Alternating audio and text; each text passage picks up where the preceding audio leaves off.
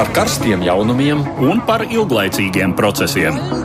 Par idejām, par cilvēkiem, par naudu un par laiku. Par abām mūsu planētas puslodēm, un lietojot abas smadzeņu puslodes. Ēterā raidījums divas puslodes. Tiekamies atkal ikdienas raidījumā, divas puslodes, kad runājam par aktuālitātēm pasaulē un tās analizējam. Nākamo 50 minūšu laikā tad nu, plašāk mūsu uzmanība būs pievērsta šādiem trim tematiem. Lielās piekdienas vienošanās. Tā tika noslēgta pirms mazliet vairāk nekā 20 gadiem un būtiski mazināja vardarbību Ziemeļīrijā. Gaidāmais Brexits tagad licis uzdot jautājumu par to, kas notiks ar šo vienošanos un vai Ziemeļīrijā neatsāksies nemierīgi laiki. Daļu uzmanības šodien veltīsim Krievijai. Tur doma ir pieņēmusi likumu, kas paredz nodrošināt lielāku kontroli pār internetu. Formāli tas nozīmē nodrošināties pret iespējamu Krievijas interneta blokādi. Tomēr pašā Krievijā par patiesajiem likuma mērķiem ir krietni skarbāks domas. Un vēl pievērsīsimies netālajai Somijai, kur nedēļas nogalē notika parlamenta vēlēšanas. Tajās uzvarēja sociāldemokrāti, tomēr būtiska ir arī nacionālistu veiksme. Somus uztrauc ne tikai labklājība, visai aktuāla ir arī migrācijas tēma. Mums būs vairāk ieraksti un zvani, tādēļ studijā bez mums ir tikai viens viesis, tas ir Vidzemes augstskolas lektors Jānis Kapstāns. Labdien! Sveicināti! Bet mēs sākam raidījumu kā parasti ar dažām ziņām īsumā.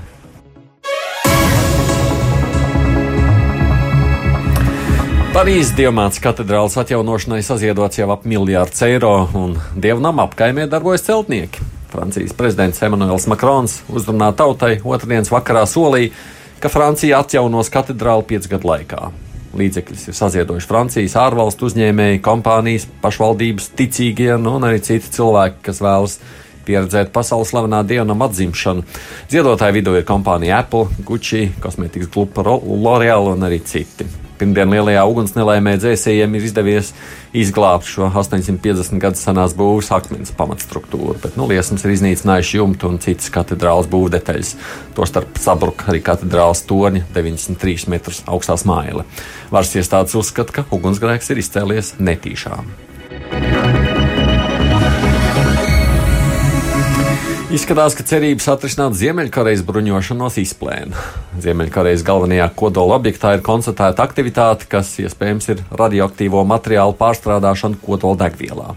Tā paziņojis ir Vašingtonas Strateģisko un starptautisko pētījumu centrs. Pazīmes, kas iespējams liecina par radioaktīvo materiālu pārstrādāšanu, ir konstatēts pagājušajā nedēļā, un sakot neveiksmīgajam ASV prezidenta Donalda Trumpa un Ziemeļkorejas līdera Kim Čenūna samitam Hanojā. Centrs ziņo, ka Jonbjonas objekta satelīta attēlos ir redzami pieci vagoni netālu no urāna bagātināšanas rūpnīcas un laboratorijas. Agrāk šie specializētie vagoni tikuši saistīti ar radioaktīvo materiālu pārvietošanu vai to pārstrādāšanu, un varētu būt, ka tāda ir arī pašreizējā situācija.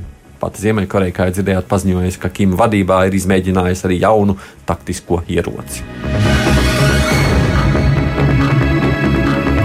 Ukraiņas mediji ir otrdien aicinājuši prezidenta amata kandidātu Vladimiru Zelenski atbildēt uz žurnālistu jautājumiem. Pirms nedēļas nogalē gaidāmās prezidenta vēlēšana otrās kārtas, kurā viņam tiek prognozēta uzvara. 41 gadu vecais Zelenskis, kurš ir jaunpienācējs politikā, lielā mērā ir izvairījies no tradicionālajiem priekšvēlēšana kampaņas pasākumiem un uzrunājis vēlētājus caur sociālajiem medijiem. Aptuveni 20 Ukraiņas mediji atklātā vēstulē ir aicinājuši Zelenski pierādīt, ka atklātības un caurspīdīguma principi, par kuriem viņš iestājas, nav tikai tukši vārdi. Kopš uzvaras vēlēšana pirmajā kārtā Zelenskis ir lielā mērā izvairījies no šī kontakta ar medijiem, bet no abi prezidenta amata kandidāti tomēr ir beidzot vienojušies tikties kopīgās debatēs piekdienu.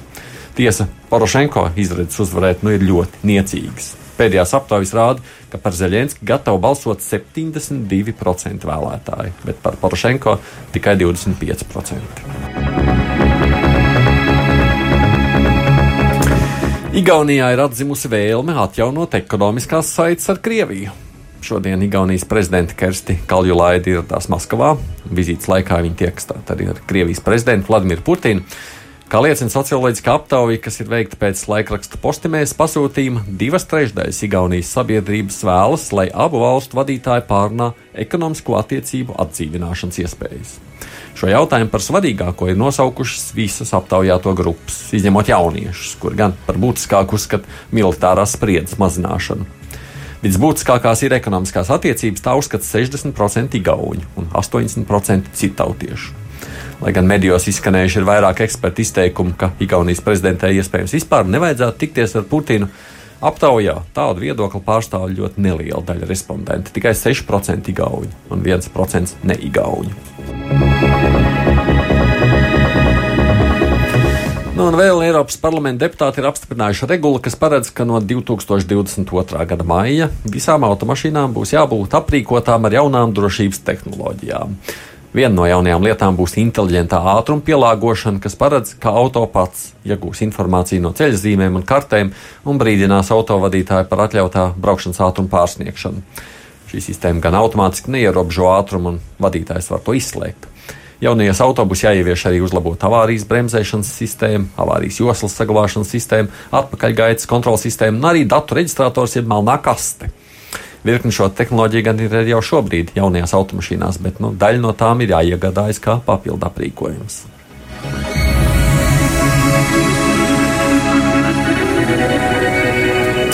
Bet, nu, tagad pievēršamies sākumā minētajiem tematiem un sākam ar lielo tematu par lielās piekdienas vienošanos. Tā dēvētā Lielās piekdienas, jeb Belfāstas vienošanās, tika noslēgta 1998. gada 10. aprīlī apmēram pulksten pussešos no rīta. Tā vainagoja vismaz desmit gadus ilgušās Lielbritānijas un īrijas valdības sarunas, kā arī Ziemeļīrijas politisko spēku centienus izbeigt vardarbību un terora ēru, kas Ziemeļīriju un visas Britu salas satricināja kopš 60. gadu beigām. Ziemeļīrijas konflikta saknes meklējams pagājušā gadsimta 20. gados, kad īrijas republika ieguva neatkarību no Britu impērijas, taču salas ziemeļa austrumu daļa, Ulstera, kur nelielā vairākumā bija protestantu iedzīvotāji, palika Lielbritānijas sastāvā. Lai nodrošinātu savu dominējošo lomu Ziemeļīrijā, protestanti ievies sev izdevīgu vēlēšanu sistēmu, kā arī īstenoja diskrimināciju pret katoļiem izglītības, profesijas izvēles un sociālā atbalsta jomās. Katoļu pilsoņu tiesību kustības aktīvā kampaņa par diskriminācijas izbēgšanu izraisīja asu un vardarbīgu protestantu organizāciju un varas iestāžu reakciju, katoļu mazākums nepalika parādā un savstarpējā vardarbība strauji vērsās plašumā. Kopumā konflikta desmitgades prasīja teju 3500 cilvēku dzīvības.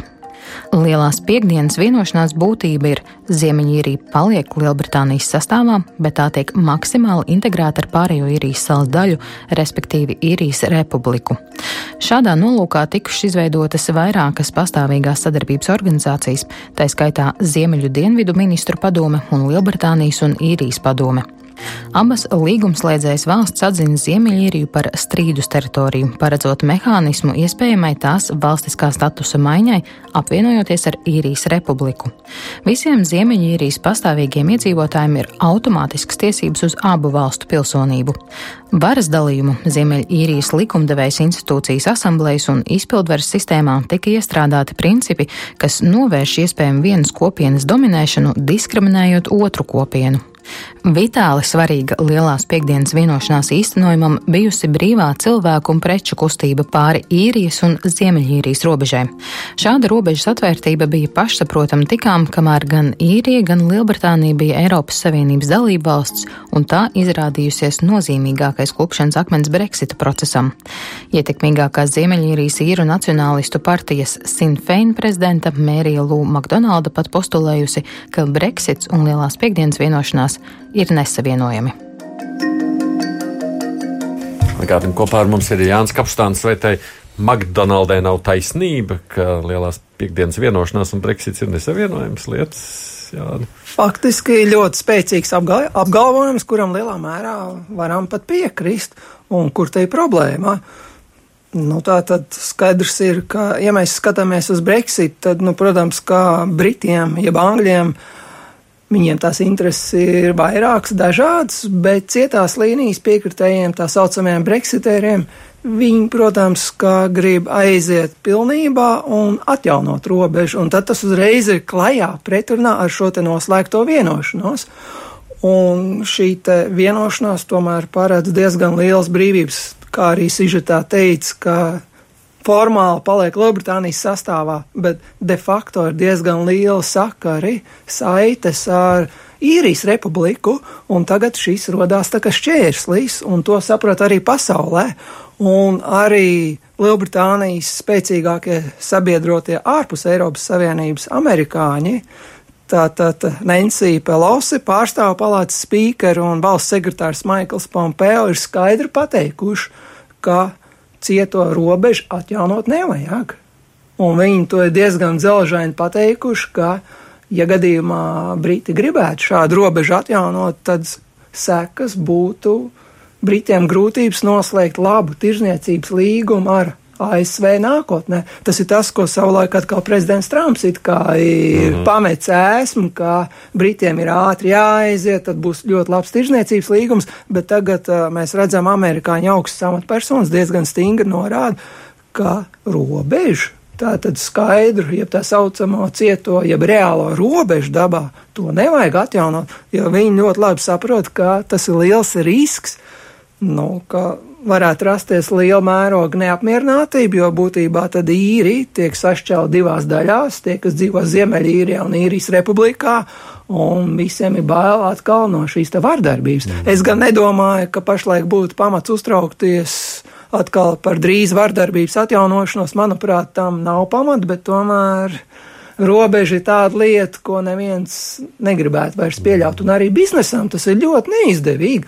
Bizness Eiropas Savienības vienotā tirgus ietveros cirkulē ļoti brīvi, ātri, bez, bez kādām mākslīgām, teiksim, kavēkļiem, un tagad atjaunot robežu, domāt varbūt par kādām muitām. Tas ir ļoti neizdevīgi. Nu, mēs jau redzējām, robežā arī būtībā ir tas, kāpēc parlamentā nekas neiet uz priekšu, ja brīta parlamentā. Tas... Tieši tā. Uh, un uh, nu, vēsture mums rāda, ka tāda, nu, teiksim, valstiskā piedarība, kurai ir vairāk simboliska nozīme, uh, formāla nozīme, tā parasti nav pamats, nu, teiksim, vardarbības uzliesmojumiem, nopietniem pilsoņu konfliktiem, bet tad, kad tiek skartas konkrētās ikdienas cilvēku intereses, tad, kad ir jāsamierinās ar nērtībām, tad lūk šis nemieru un savstarpēju sadursmju degmateriāls kļūst jau krietni, krietni lielāks un, un krietni teiksim, eksplozīvāks. Un nedrīkst aizmirst, jā, es piekrītu uh, Kapustāna kungam, ka nav šobrīd iemesla bažām par nu, to, um, kā to angliski sauc, the troubles, tātad to nemiera laiku atgriešanos, bet mazas, marginālas, atšķēlušās nemiernieku grupiņas joprojām turpina pastāvēt. Policija gan ar tām diezgan sekmīgi tiek galā, bet, nu, fakts paliek fakts pēdējās vēstuļu bumbas, par kurām ir aizdomas, ka tā ir, tās ir sūtījusi vai nu jaunā, vai, jā, faktiski tā kā to šobrīd laikam dēvē jaunā īru republikāņu armija, ir izsūtītas martā. Šī gada martā. Mm -hmm. ja? nu, tur jau neviena, šāda, neviena gan nav eksplodējusi. Kas notiek Lielbritānijā visu laiku? Pirmais jautājums, hmm, vai tur nav īri vai neklāt tajā visā stāvoši. Bet ja vēl savukārt ir tā, nezinu, tās nojausmas, ka īrijā tā kā pastiprinās, varbūt tās ilgas pēc apvienošanās Ziemeļīrijā? Nu, tas ir jautājums. Jā, nu, es esmu dzirdējis dažādus, vai, nu, teiksim, tā, zināmā mērā atšķirīgus viedokļus. Un, nu, it kā šīs.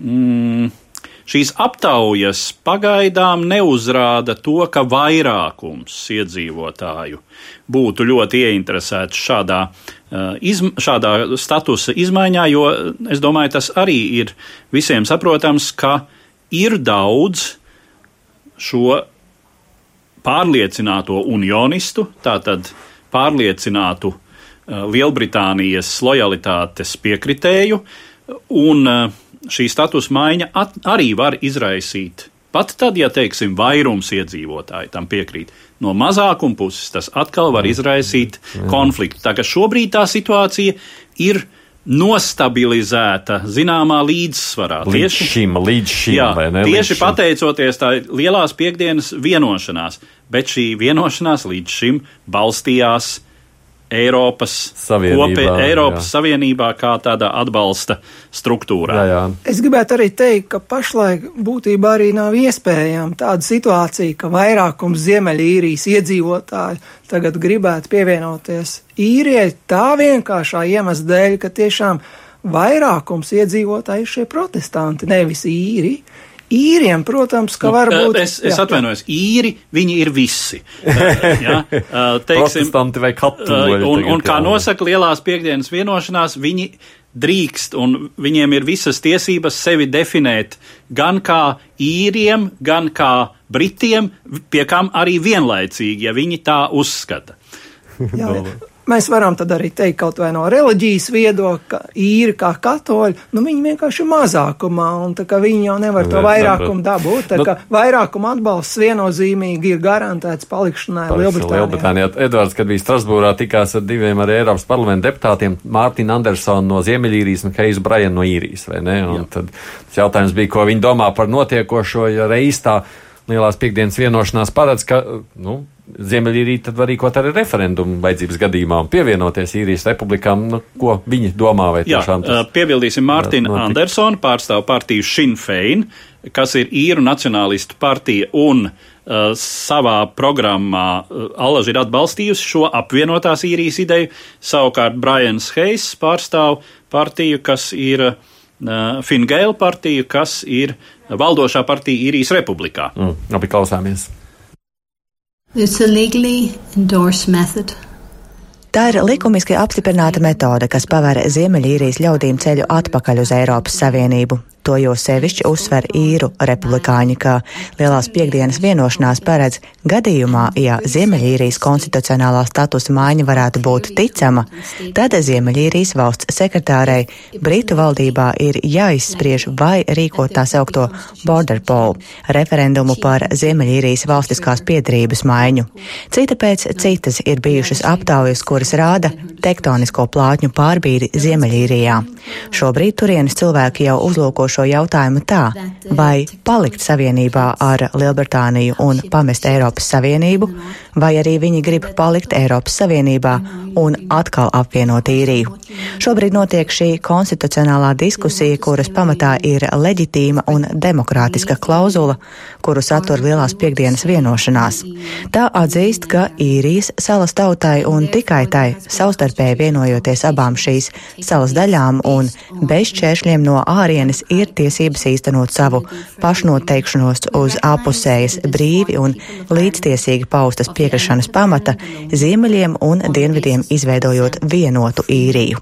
Tādējādi Lielās piekdienas vienošanās ietver Brexita problēmas risinājumu Eiropai. The solution to the Brexit problem for Europe is contained within the Good Friday Agreement. Well, it is envisaged in the Good Friday Agreement. Lielās piekdienas vienošanās paredz iespēju, ka var notikt šāds referendums jeb apvienošanās balsojums, bet tam ir divi priekšnoteikumi. Pirmais - ir jābūt nozīmīgiem pierādījumiem, ka Ziemeļīrijas sabiedrības vairākums gribētu mainīt Ziemeļīrijas konstitucionālo statusu un no apvienotās karalistes sastāvdaļas kļūt par daļu no īrijas republikas. Tiem jābūt būtiskiem un pastāvīgiem pierādījumiem. Pagaidām nekas par to neliecina. Otrs noteikums ir, ka Ziemeļīrijas valsts sekretāram par Ziemeļīriju atbildīgajam Britu kabineta loceklim arī jāpiekrīt šim viedoklim. Pašreizējā valsts sekretāra vairāk kārt ir apliecinājusi, ka viņa nav tādās domās. Atbalsts apvienošanās balsojumam, kur pauž tādas radikāli nacionālas partijas kā Sinn Fein, par labu nenāk. Mums īrijai ir nepieciešama vienošanās starp katoļiem un protestantiem, lai izlīdzinātu mūsu strīdus un rosinātu samierināšanos. No īrijas valdības viedokļa šāda apvienošanās balsojuma ideja ir destruktīva. Viss, kas mums vajadzīgs, ir, lai Ziemeļīrijas asambleja un Ziemeļīrijas valdība darbotos un panāktu vienošanos. Tā, es domāju, ir prioritāte. To get some agreement on that, I think, is the priority. Tad Brainis Keijs no īrijas saka, ka vajadzētu šo vienošanos starp protestantiem un katoļiem. Man te burtiski tāda ķecerīga doma ienāca galvā, klausoties šo te sižetu. Tātad īrijas republikas pārstāvs skaidri pateica, ka viņi nevēlas, ka pie Jā, viņiem, jā, ka pie viņiem viņiem faktiski ir izdevīgāk, ka Lielbritānijas valdība ar šo te problēmu risina mocās. Un Nu, īrija, lai cik tas paradoxāli, nu negribētu. Negribas. Negribētu. Nu, tieši tā, jo, jo šīs, nu, šīs problēmas tādas tās ir, tām ir tiešām gadu desmitiem, ja ne gadu simtiem um, senas um, Saknes. saknes, jo uh, kur tad ir radušies šie Ziemeļīrijas protestanti? Nu, tie nav protestantismā pārgājuši iedzīvotāji. Kaut gan, kā es teicu, šodien visi īrijas salas iedzīvotāji ir uzskatāmi par īriem, eh, ja viņi paši sevi tā identificē. Taču eh, tie tomēr ir ieceļotāji no Britu, no, no uh, Britānijas salas, pie kam visvairāk no Skotijas, kas ir teritoriāli tuvākais Britu salas gals. Un uh, Attiecīgi, nu, tad arī šī izcelsme un arī kultūras saiknes. Interesants jautājums, protams, ir tas, kas notiek brīdī, ja Skotija iedomājas izstāties no Lielbritānijas, eh, par ko ir bijis viens gan neveiksmīgs Jā, jā, jā. referendums, un tiek regulāri runāts par jaunu referendumu iespēju. Un, teiksim, ja Skotija nolemj iestāties, izstāties no Lielbritānijas un Iestāties iestāties Eiropas Savienībā, lūk, tad gan ir jautājums, ko darīs Ziemeļīrijas protestanti, kuri ir uh, savā Jā. vairumā skotu izcelsmes. Nu, bet varbūt tas atrisinātu šo problēmu. Jā, nu, eh, gribētos jau gan cerēt, ka šo problēmu atrisinās, mm, nu, teiksim, salīdzinoši maigs un eh, labāk, teiksim, vienā gadījumā vai nu salīdzinoši maigs un ar lielās piekdienas vienošanos salāgojams līdz ar to Brexits, eh, vai arī, uz ko es turpinu cerēt, Brexita nenotikšana vispār. Nu, tā tad atkārtots referendums, kura iespējamības, kā mēs to arī iepriekšējos raidījumos esam runājuši, ar vien pieaug šobrīd. Mm. Tas saka, cita ceļa nav. Kā jūs redzat, kā tas var atrisināties? Nu, pagaidām jau es domāju, ka par šo te otro referendumu, protams, ir spekulācijas, bet es domāju, ka tuvākos mēnešos, pusgadā, nu, tomēr nekāds otrs referendums nebūs. Un Lielbritānija ir ieguvusi laiku, bet atkal nekas neliecina, ka viņi arī pusgadu laikā viņi spēs panākt. Jo tāpat īrijas robeža vienalga Lai arī Brītu premjerministrs solījusi, ka viņi tiks galā, bet nu, mēs redzam, ka jau trīs reizes viņas plāns ticis noraidīts. Viņi nekontrolē parlamentu vairākumu. Viņi nekontrolē savu valdošo partiju, un būtībā ir Lielbritānijā milzīgs nu, tāds strupceļš, un neviens nevar pateikt, nu, tas, ko Edvards teica, varbūt neizstāsies. Es domāju, mēs šodien to nevaram pateikt. Nu, pagaidām jau tomēr Briti oficiāli deklarējuši, nu, ka tomēr viņi ies uz šo izstāšanos, vai ne? Bet, Bet, bet nu, izstāties viņiem Bet, neizdodas. bet tā izstāšanās ir jātaisa tā, lai šī lielās piekdienas ideja nepazust. Jā, nu, tās intereses viņiem ir ļoti dažādas, un faktiski šodien mēs galīgi nevaram pateikt, kas būs pēc gada vai pēc pusgada. Būtībā tagad Lielbritānijā kas notiek? Atkal ir sākušās iekšpolitiskās cīņas, konservatīvā rindās, atkal jauni centieni izdarīt spiedienu uz premjerministru Mēju ar mērķi ātrāk vai vēlāk viņu tomēr nogāzt, lai arī viņi ir solījusi, ka viņi pat atkāpsies tad, kad vienošanos par Brexit noslēgs, bet nu, tā kā šī vienošanās nav, tad viņi vismaz uz gadu ir aizsargāti. Un faktiski te mēs redzam, kas no Eiropas Savienības viedokļa, kur ir riski. Eiropas Savienība, teiksim, atklāti nebūtu priecīgi, ja meju izdotos nogāzt un ja stingrās līnijas Brexiteri nāktu Jā. vietā. Un kāpēc šeit ir risks? Tad varētu būt tiešām šī izstāšanās diezgan ātra bez vienošanās. Tas ir viens akt, apstākļs. Un otrkārt, vēl esot Eiropas Savienībā, šie stingrās līnijas piekritēji var pēkšņi izmantot veto Eiropas Savienības kopējo jautājumu lemšanā. Kamēr Lielbritānija nav izstājusies, viņi taču var balsot. Līdz šim no Briti nav torpedējuši svarīgus jautājumus, bet tagad tikt, piemēram, Boris Džonsons, visādi brīnumi var notikt.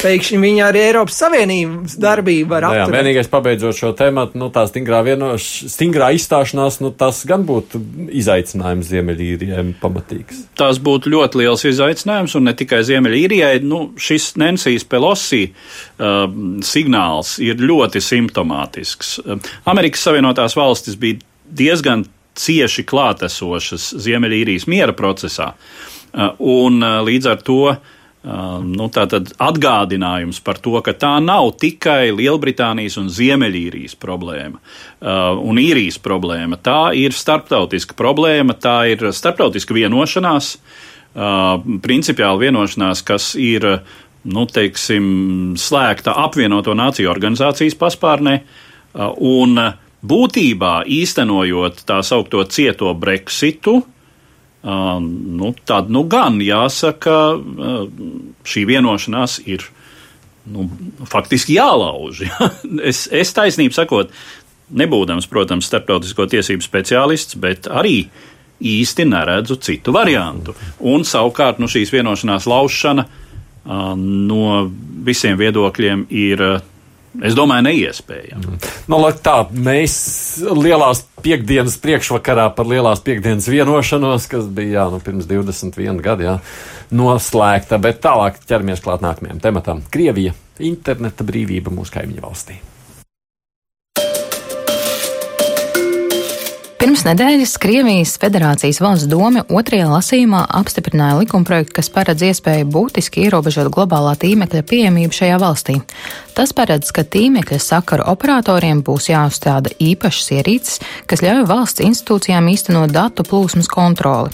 Ja līdz šim nevēlamu tīmekļa resursu bloķēšanu pēc varas iestāžu pieprasījuma veids operatori, tad jaunā likuma ietvaros to tieši īstenos Federālās uzraudzības dienests sakaru informācijas tehnoloģiju un masu komunikāciju jomā, plašāk pazīstams kā Roskomnadzor. Medijos šis projekts iegūst apzīmējumu Suverēnais internets. Kā oficiālais likuma mērķis tiek definēta Krievijas nacionālā tīkla darbības nodrošināšana hipotētiskā situācijā, kad kādas naidīgo rietumu akcijas rezultātā tas tiktu atslēgts no globālā tīmekļa. Tomēr likuma saturs nepārprotam liecina, ka faktiskais mērķis ir drīzāk ieviest radikālu informācijas aprits kontroli, kas daudzajādā ziņā atgādina kārtību padomi totalitārismu periodā. Apliecinājums tam ir arī prezidenta Putina izteikums ieteikumi raksturojot jauno likumdošanas iniciatīvu. Raksturojot globālo tīmekli kā rietumu spēcdienestu izgudrojumu, Putins paudis, viņi taču tur sēž un visu noklausās, redz un lasa, ko jūs runājat, un uzkrāja aizsardzības informāciju, bet tā vairs nevarēs.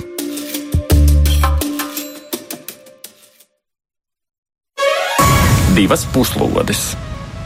Atgādījums studijā šeit ir arī Vidzemes augstskolas lektors Jānis Kapstāns, mēs ar Eduardu Liniņu. Mums jau ir viena valsts, kur internets ir tāds pilnībā suverēns, jā, cenzēts. Tā ir Ķīna. No Krievijā jau varas iestādes šobrīd apgalvo, ka viņi nepavisam negrasās sekot Ķīnas pēdās, runa ir tikai par gatavošanos.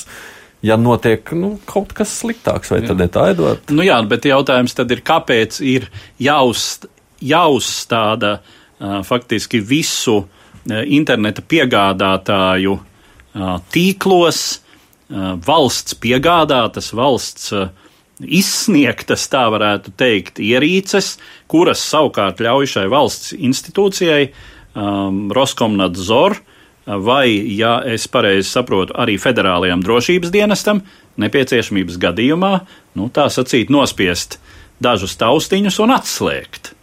Uh, nu, tad uh, te ir te kaut kā ir Nest, tā interesanti samainīti šie jēdzieni. Jo runājot, nu, lai gan būtībā viss tas fons jau ir, mm, tas politiskais fons ir, nu, teiksim tā, gluži otrādi ļoti monolīts, jo tā ir izjūta, ka Krievija atrodas naidīgu spēku ielenkumā, ka tai ir jābūt gatavai uz uzbrukumu, uh, un uh, ka faktiski arī informācijas plūsmas ir konfrontācijas līdzeklis, ir mm, drauds, ar kuru ir jācīnās, un jācīnās tā skaitā šādiem tehniskiem līdzekļiem. Mm. Kāpēc Krievijai, Jāni, jūs prāt, tas ir vajadzīgs? No formālā viedokļa mēs varētu teikt, ka varbūt, es vēlreiz uzsveru no formālā viedokļa, ka varbūt Krievijas rīcībā ir kaut kāda zinām loģiska apsvēruma tādā ziņā, ka, nu, Krievija it kā nocietinās, viņi sūta tālāk signālu, ka viņi ies tālāk konfrontācijā ar rietumiem, un viņi it kā jau sagatavojas laiks par iespējamu aizsardzību, lai gan skaidrs ir, ka neviens internetu viņiem atslēgt. Nē, ne, tur jau laikam nebūtu interesi bet, nekāda. Pat, bet, ja, ja mēs pat, paskatāmies ja uz okupēto Krīmu, tad Krīmā starptautiskā banka sistēma gan faktiski ir atslēgta. Banka sistēma, jā, jā, jā, bet tas jā, nav internets. Jā, bet tas nav internets. Bet, nu, faktiski jau mēs tomēr skaidrs ir, ka Krievijas vadītāji, viņi ļoti labi redzēja, kas notika Arābu pavasars, piemēram, Ēģiptē, kad bija šie nemieri vēl nu, tātad tautas nemieru pret to diktatoru Mubaraku. Un tad viņi arī centās internetu atslēgt, lai, teiksim, mēģinātu, nu, teiksim, tā kā valdīt un kontrolēt situāciju. Nu, internets ir vienīgais veids, kā cilvēki var šādā reizē un mēs sazināties. Uz Krievijas opozīciju nav vainīgi, viņš jau taisni šo te internetu izmanto. Jā. Ja mēs runājam personiski par prezidentu Putinu, tad viņš ir vecākās paudzes cilvēks. Iespējams, ka viņš varbūt pat neizmanto internetu. Protams, mums nav precīzi informācija, Jā. bet ir aprakstīts, ka viņam pienes informāciju uz papīra lapām, viņš raksta ar zīmolu, un tiešām nu, mums nav informācijas, ka viņš pats būtu aktīvs internetu lietotājs. Jā, un tas ir liels jautājums, cik varbūt ne tādu tehnisku prasmju līmenī, bet cik uh, fundamentāli Putins un viņa, viņam apkārt esošie saprot, kā tas viss darbojas. Eh, kas tas vispār pēc būtības ir? Eh, jo viņi patiešām ir vēl joprojām, nu, teiksim tā, eh, rakstām mašīnas, papīra lapas un televizora cilvēki. Jo komunikācija, šī komunikācija pamatā, mēs jau runājam par to, ka Krievijā tas galvenais um, komunikācijas un arī ietekmēšanas, eh, indoktrinācijas līdzeklis, tas ir tas, ko reizēm sarkastiski sauc par zombējo, zombējamo kasti. Ja? Nu, tā, tas ir televizors. Bet, ja mēs skatāmies uh, tomēr uz Krievijas militārām darbībām, uz kiberuzbrukumiem, tad tomēr mm. gan no, nu, Ukrainā, ir... gan citās valstīs viņi tā kā ir uz kādu brīdi atslēguši, viņi tādas ieročus ir izmēģinājuši. Nē, nu tas ir, tas ir jāatceras. Nu, man neizbēgami gribas atcerēties padomju laikus, kad padomju militārā mašinērija tehniski bija gana attīstīta, lai vismaz kādu laiku konkurētu ar rietumiem. Uh, bija attīstīta, teiksim, kosmiskā tehnoloģija, bet, uh, piedodiet, toaletes papīru izražot īsti nebija spējīgi.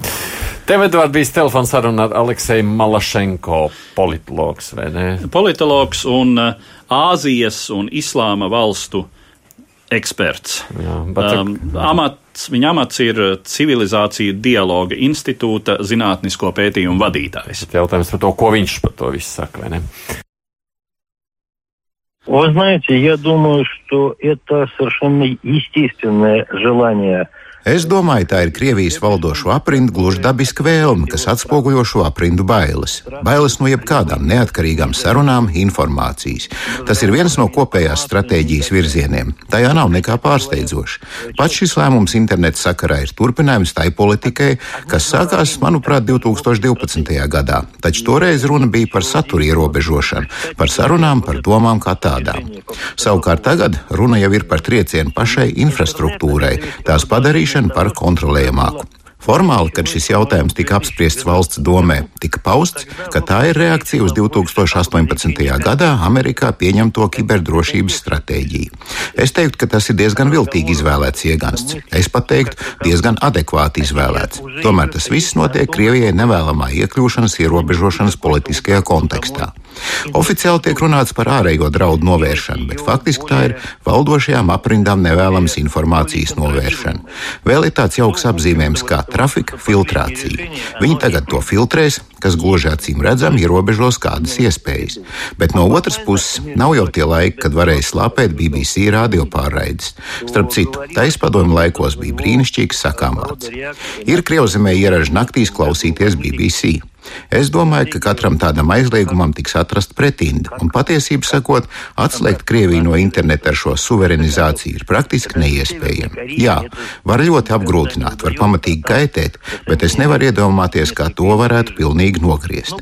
Pat Ziemeļkorejā tas līdz galam neizdodas, bet tur paši saprotat, ir drusku cits režīms. Nu, paskatīsimies. Šobrīd gan speciālisti, gan citi ļaudis, kur pastāvīgi izmanto internetu un tam visam seko, pauž bažas, bet izjūta ir tāda, ka līdz galam neizdosies. Jā, ir uzstādīts mērķis, bet patiesībā tas ir praktiski neiespējami. Но на самом деле это практически невозможно. Vai te nav klātesošs gluži materiālas ieinteresētības moments? Attiecīgā projekta īstenošanai domātā tehnika kādam ir jāpiegādā, jāuzstāda, tie ir lieli ieguldījumi, kuri pasūtījumu saņēmējiem nesīs labu peļņu. Безусловно, есть какая-то материальная заинтересованность. Nenoliedzami, ir arī kāda materiāla ieinteresētība, bet šajā gadījumā es to liktu otrajā vietā. Mūsdienu Krievijā nekāda materiālā ieinteresētība bez politiskā konteksta nedarbosies. Starp citu, jūs ļoti pareizi uzstādījāt jautājumu. Ir gan politiskais mērķis, gan arī ļaudis ar to mēģina pelnīt. Un, protams, nopelnīs.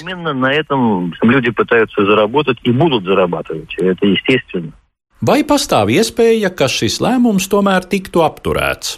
Nepieņemts trešajā lasījumā, neapstiprināts federācijas padomē vai arī to neparakstītu prezidents.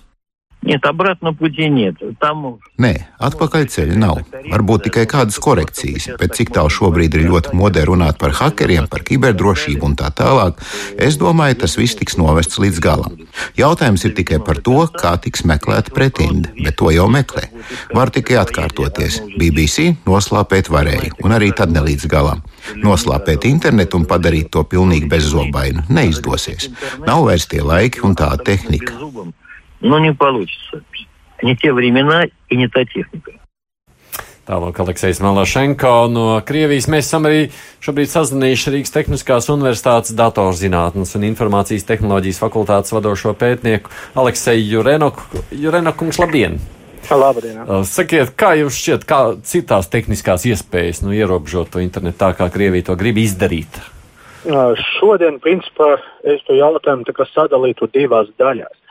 Ja viņi gribēs ierobežot internetu pilnībā, tad pastāv ļoti elementāra iespēja vienkārši paņemt, nogriezt visus izējušus vārdus un pilnībā izolēt sevi, bet tai pašā laikā nāksies nodrošināt līdzvērtīgus resursus iekšienē. Vai šis jautājums būs risināts tādā veidā, nu, to es apšaubu. Visdrīzāk būs pielietota parasta datu filtrācija, uh, kas uh, kontrolēs katru gan ienākošo, gan izējošo informāciju, ko internets radīs gan uz āru, gan attiecīgi saņems uz iekšpusi. Bet šajā jautājumā atkal mēs nonāksim, nu, attiecīgi viņi nonāks uh, uz strupceļa, jo tas, kas digitālā formātā ir ierobežots, tā pašā laikā var arī izmantojot pat ne ļoti sarežģītus resursus apiet. Šeit var minēt piemēru, kas ir bijis iztenot sava laika Ķīnā, kad valdībā pieņema lēmumu ierobežot visus iespējamus resursus, kas atrodas ārpus valsts, kontrolēt katru datu plūsmu.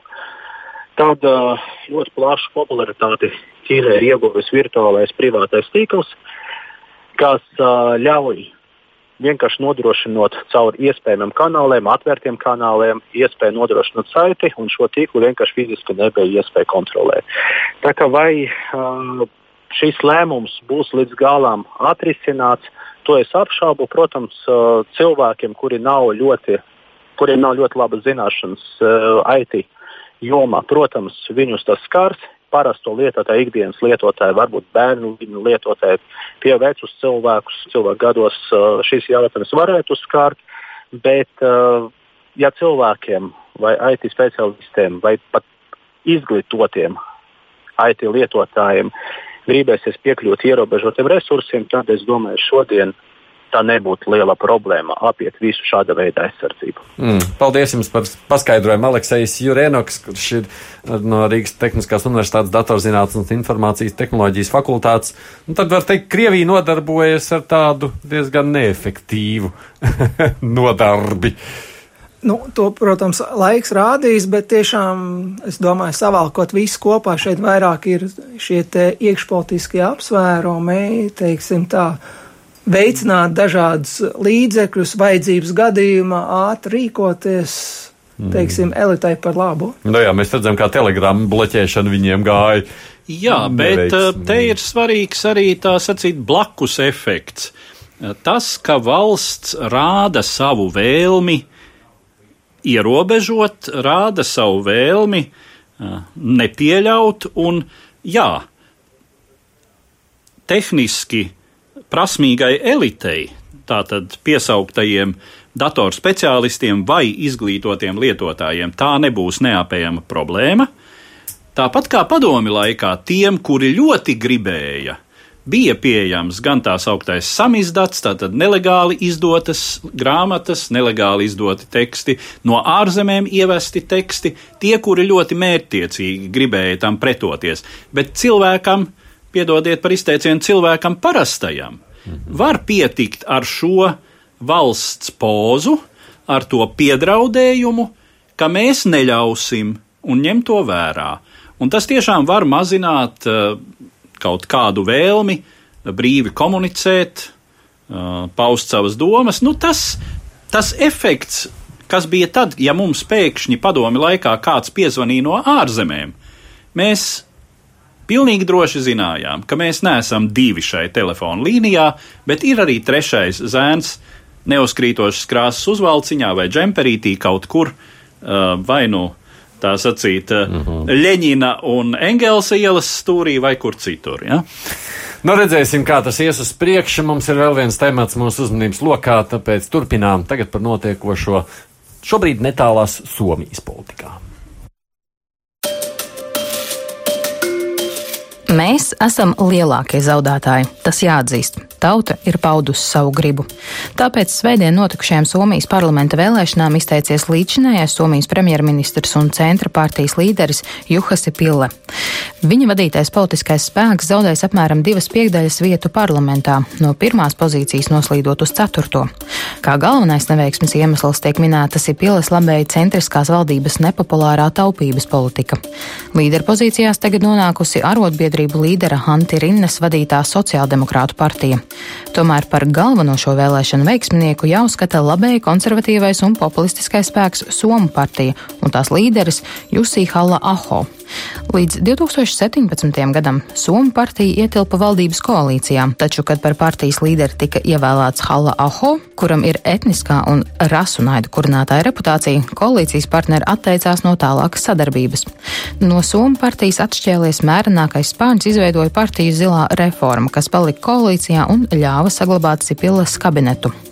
Vēl pagājušā gada nogalē Somijas partijas izredzes nebija īpaši spožas, taču tad Somija satricināja kriminālu procesu, kurā grupa imigrantu tiek apsūdzēta par dzimumu noziegumiem pret nepilngadīgām meitenēm.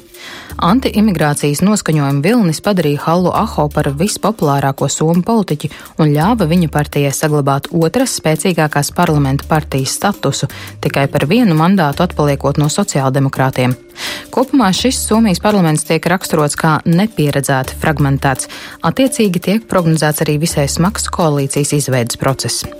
Vēlēšana rezultātu un koalīcijas sarunas komentēja Somijas sabiedriskā mediju korespondente Marija Stenrosa. Yeah.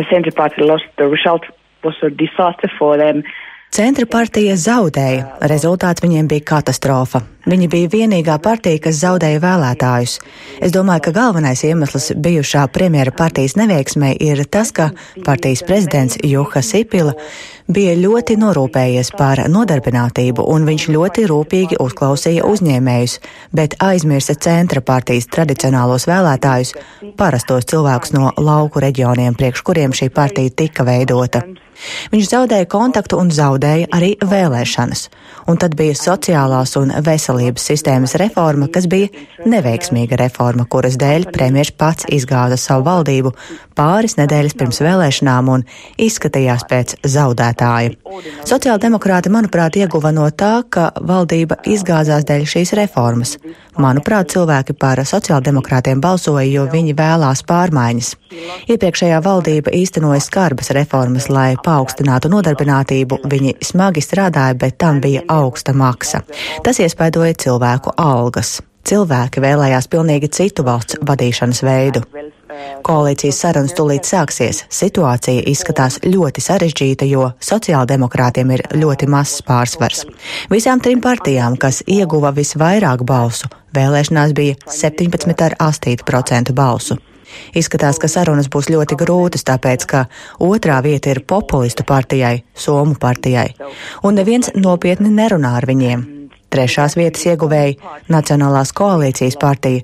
Viņa ir labā spāna partija un viņu ekonomiskā politika ļoti atšķiras no sociāldemokrātiem, un tur jau būs jāvienojas par daudziem kompromisiem. Es domāju, ka mums būs koalīcija ar daudzām partijām, vismaz četras vai piecas, un ja mums būs tik daudz partijas, būs ļoti grūti vienoties. Mums ir bijusi valdība ar sešām partijām, un beigās viņi neko nespēja izdarīt. Divas partijas pameta koalīciju. Ir ļoti grūti par kaut ko vienoties, ja koalīcijā ir vairāk nekā trīs vai četras partijas. Sociāldemokrāti tagad mēģinās veidot valdību, un tas varētu aizņemt mēnesi, varbūt divus. Ir arī iespēja, ka pēc tam mēģina nākamie. Bet Tā kā tie ir populisti, ar kuriem šobrīd neviens nav gatavs strādāt, ir iespēja, ka pēc tam mēģina arī trešā lielākā partija. Bet ir skaidrs, ka sociāldemokrāti ļoti smagi strādās pie tā, lai viņiem izdotos izveidot koalīciju, jo viņi nav bijuši valdošā partija jau 20 gadus. Viņiem ir ļoti svarīgi iegūt premjera krēslu. Mēs ar producentu runājām, tad, kad šī intervija bija, ka ļoti izskatās pēc Latvijas notikuma vēlēšanām.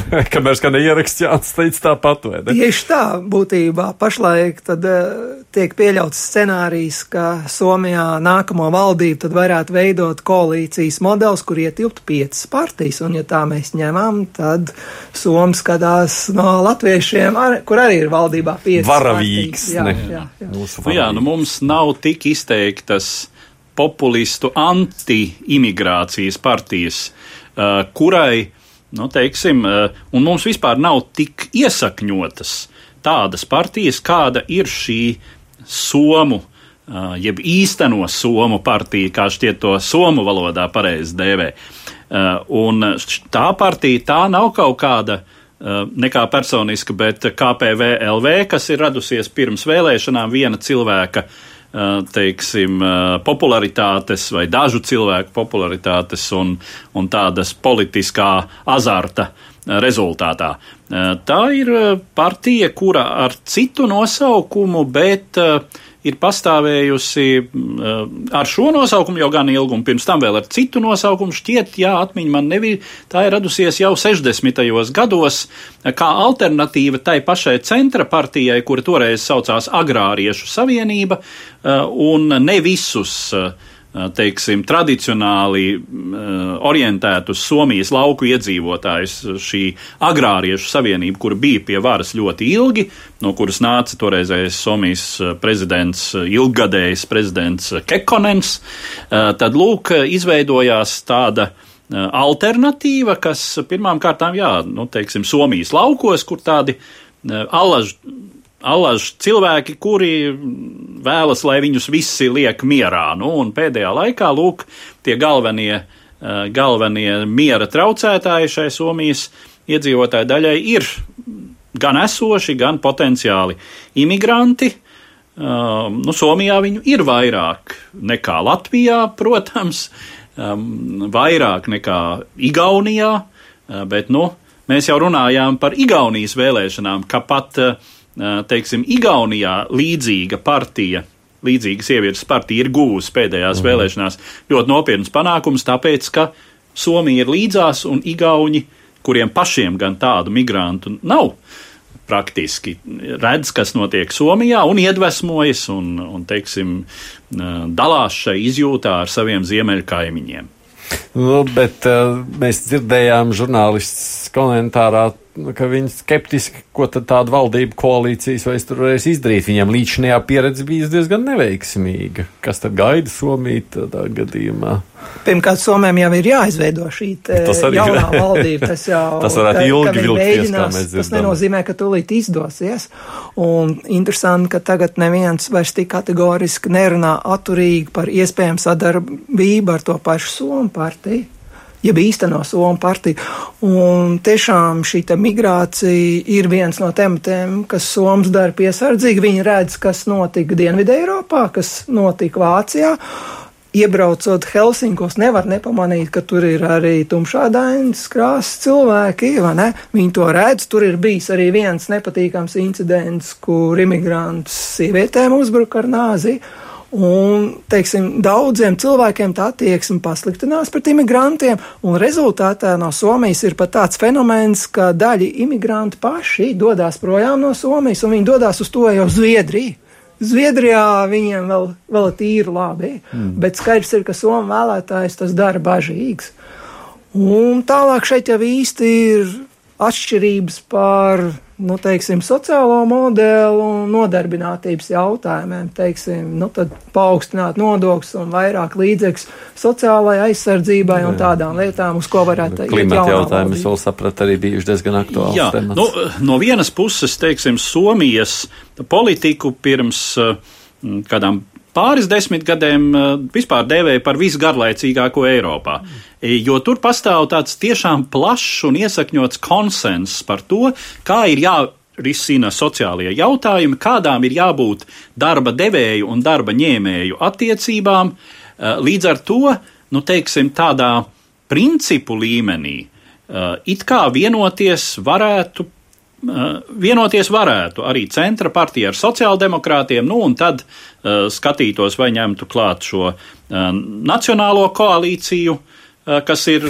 Varbūt, ka Somi būs beidzot pirmie no tiem, kas atļausies paņemt valdošajā koalīcijā šo antiimigrātisko īstenos somas. No otras puses, ko nozīmē atļausies paņemt? Šī partija bija valdības bija? koalīcijā jā. līdz brīdim, kad par tās līderi kļuva šis Jussi Halla Aho, eh, kurš vienkārši individuāli ir ar um, ļoti sliktu reputāciju. Nu, tas ir atkal nekā personiski, bet, nu, ja par eh, Nacionālās apvienības līderi kļūtu iesaulnieka kungs, ja, uh, ieņemtu vadītāju posteni, kļūtu par partijas priekšsēdētāju. Nu, tad būtu, teiksim, jaunajai vienotībai un attīstībai par jāpakasa galva un jāpadomā, vai ar šādu partiju uh, viņi gribētu turpmāk sadarboties valdībā. Kamēr tas tā nav, -hmm. uh, tikmēr mierīgi sadarbojās. Ja? Pēc tam notika šis pagrieziens, notika šķelšanās, šī partija pati sašķēlās, bet lūk, kā mēs redzam, ja tā, šī atšķēlusies daļa šajās vēlēšanās cieta fiasko. Bet palikusī daļa ar lielisko Halla Aho priekšgalā. Faktiski, nu, teiksim tā, viņi ieguva vienu mandātu klāt pret iepriekšējo mm. parlamentu sastāvu. Tomēr ņemot vērā visu šo pieredzi, tā tiek uzskatīta viņiem par lielu uzvaru. Mm.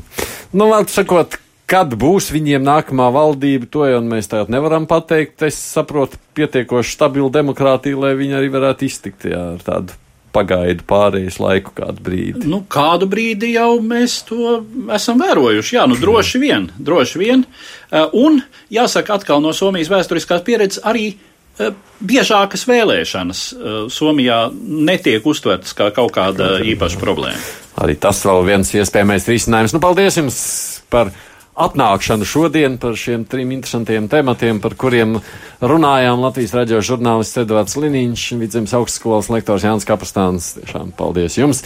Producēja, kā parasti mums Ieva Zeize, studijā šeit bija arī es, Aidis Tomsons. Mēs tiksimies atkal nākamajā ceturtdienā, tad lūkosim, kas ir noticis un kādi jaunumi ir bijuši abās divās mūsu zemeslodes puslodēs. Tātad līdz nākamajai ceturtdienai saku jums. Divas puslodes!